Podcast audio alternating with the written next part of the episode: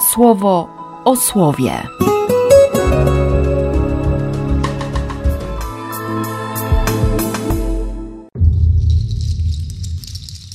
8 października, piątek. Z księgi Joela. Przepaszcie się i lamentujcie, kapłani. Płaczcie, słudzy ołtarza. Wejdźcie, słudzy Boga, i w worach pokutnych czuwajcie nocami, bo zabrakło w domu waszego Boga ofiar stałych i płynnych. Ogłoście zbawienny post. Zarządźcie świętą służbę. Zgromadźcie w domu waszego Boga starszyznę z całego kraju i żarliwie wołajcie do Pana przez cały dzień: O my nieszczęśni, o nieszczęśni, nieszczęśni. Blisko już jest dzień Pański i na pewno nadejdzie z udręką po udręce. Na waszych oczach zniszczona została żywność, a w domu waszego Boga zamilkły wesele i radość. Szarpią się niespokojnie jałówki przy żłobach, zapasy się wyczerpały, rozeschły się tłocznie wina, bo zmarniały zbiory. Co zbierzemy dla siebie? Ryczą stada krów, bo nie mają jadła na pastwiskach, stada owiec wyginęły. Do ciebie, panie, będę wołał, bo spiekota wypaliła całą urodę stepu, a płomień strawił wszystkie drzewa na polach. Nawet dzika zwierzyna podnosi łeb do ciebie, bo wyschły cieki wodne, a ogień strawił krasę trawy. Dmijcie w trąby na Syjonie, wołajcie na mej świętej górze. Niech smutek ogarnie wszystkich mieszkańców tej krainy, bo nadchodzi dzień pański. Już blisko jest. Dzień nocy i mroku, dzień chmurny i ciemny. Jak blask świtu, tak rozleje się po górach plemię ogromne i okrutne – Podobnego mu dotychczas nie było, a i po nim nigdy w następnych latach, przez wszystkie pokolenia pokoleń, takie się nie pojawi. Z Ewangelii według świętego Łukasza.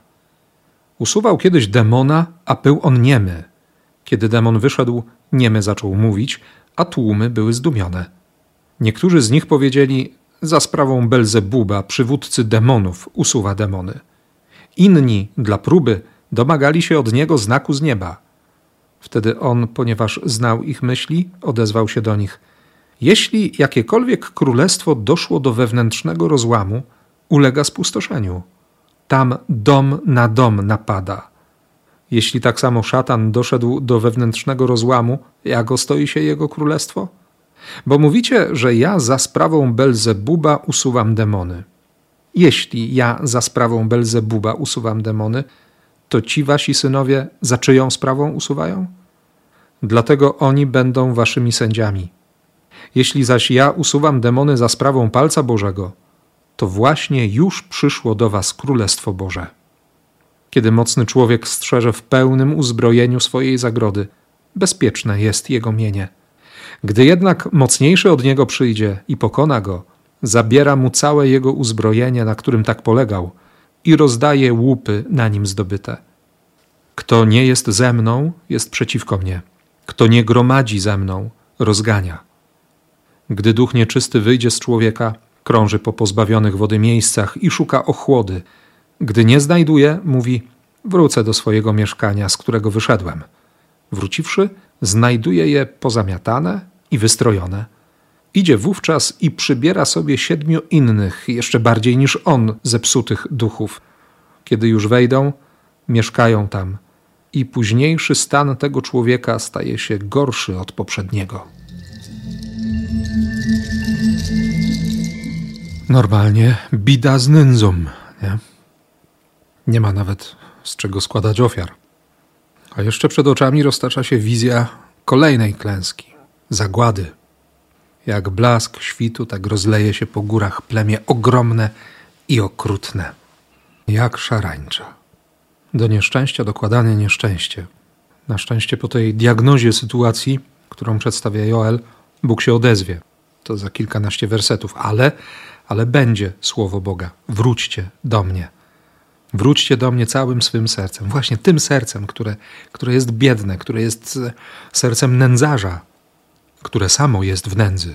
Wróćcie, poszcząc, płacząc, lamentując, wróćcie, wróćcie do Pana waszego Boga, bo On jest litościwy, łaskawy, wielkoduszny, bardzo miłosierny. Akurat to wezwanie do pokuty nie jest obce, bo ten tekst otwiera każdorazowy Wielki Post.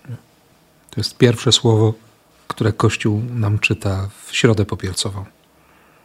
Dzisiaj mamy wcześniejsze wersety, mówiące o tym, że nie jest dobrze.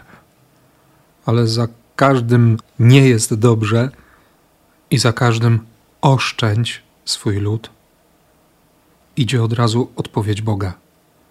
Oto ja posyłam wam zboże, wino, oliwę. Nie wydam was na szyderstwa pogan. Nabierz otuchy, wesel się, raduj, bo powstał Pan, aby działać. I wreszcie ten ostatni werset drugiego rozdziału. Przekonacie się, że ja jestem wśród Izraela, że jestem Panem waszym Bogiem, że poza mną nie ma innego.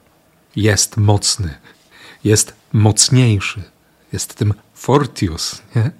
Ale można go oskarżyć o nieczułość, o złośliwość. Można mówić o tym, że jest przyczyną wszystkich nieszczęść. Można Boga potraktować jak demona. Można sobie ubzdurać w głowie, że Bóg jest diabłem. Jak choćby ludzie, którzy widzą konkretny cud, konkretny znak. Jezus usuwa demona, który był niemy, który powodował niemożność mówienia, niemożność komunikacji. To bycie niemym to również absolutne zamknięcie. Zamknięcie na słowo, zamknięcie na miłość, zamknięcie na Boga i na człowieka. Jezus usunął tę przeszkodę. Niemy zaczął mówić, tłumy były zdumione. Ale niektórzy przyjęli wersję, że, że to wszystko mocą demona. Dogadali się. Nie? Ten chory obrazek, Jezus siłujący się z diabłem, albo ostatecznie poklepanie po plecach i, i właściwie gramy do tej samej bramki, tak? Nie. Jezus mówi, że przyszło królestwo Boga, że On jest tym mocniejszym. Diabeł będzie mówił o sobie, że jest mocny i, i faktycznie wielu z nas doświadczyło tego, że, że demon jest mocny, że obecność złego jest przerażająca, że się człowiek o śmierć ociera, ale jest mocniejszy. Ten, który jest w nas, jak napisze Jan, jest większy od tego, który hula po świecie. Przyjdzie mocniejszy, pokona, zabiera całe jego uzbrojenie, na którym tak polegał mocarz, strzegący swojej zagrody, jeszcze rozda łupy zdobyte na nim. Nic, nic, absolutnie nic nie pozostanie w rękach diabła. Demon już przegrał. I tutaj, jako komentarz do tego, co za chwilę powie Jezus, o tym błąkaniu się ducha nieczystego, jego powrocie, jeszcze zaproszeniu kompanii innych siedmiu, bardziej niż ten zepsutych duchów, mam w głowie obraz sprawowania sakramentu pokuty i pojednania przez niektóre kościoły wschodnie, gdzie po pierwsze szafarz sakramentu klęka obok spowiadającego się, czy naprzeciw niego, ale też jest człowiekiem w geście uniżenia, w geście pokory i pokuty, a po drugie po rozgrzeszeniu woła o Ducha Świętego, aby, aby Duch Boży na nowo wypełnił swoją świątynię. Aby też tak mocno zewnętrznie pokazać, że Duch Boży naprawdę obejmuje w posiadanie tego, który jest Jego świątynią od chwili chrztu. Tak przeżyć spowiedź, by wiedzieć, że Duch naprawdę przychodzi, że Duch Boży czuje się jak u siebie, jest u siebie, i może trzeba to komuś dzisiaj pokazać. Może trzeba to pokazać komuś, kto o tym już zapomniał, kto nie wierzy, że tak może być, kto nie wierzy, że rozgrzeszenie ma sens, że w ogóle jest możliwe, i kto nie wierzy, że po otrzymaniu rozgrzeszenia naprawdę jest wolnym człowiekiem. Jeśli spowiedź była szczera i rozgrzeszenie dzięki temu było ważne, to to jest wolność. Nie muszę jej odczuwać, nie muszę mieć tego doświadczenia czystego serduszka, jak mnie mierzi ten infantylizm. Wiem, po prostu wiem, że jestem wolny. Ja nie muszę tego poczuć. Ale dzięki temu, że wiem, to mogę tak żyć. To mam żyć jak wolny człowiek. To słowo dzisiaj jest bardzo mocne i, i mnie osobiście bardzo potrzebne. Ale może, może Jezus to również mówi do ciebie. I przez Kościół który opowiada ci tę Ewangelię, e, chce cię wezwać, chce mnie wezwać, żebyśmy pokazali miłosierdzie, żeby ktoś, kto zapomniał, że jest świątynią Ducha Świętego, patrząc na nas, patrząc na Ciebie i na mnie, przypomniał sobie o tym, zapragnął i dał się uwolnić. Niech tak się stanie. W imię Ojca i Syna i Ducha Świętego. Amen. Słowo o słowie.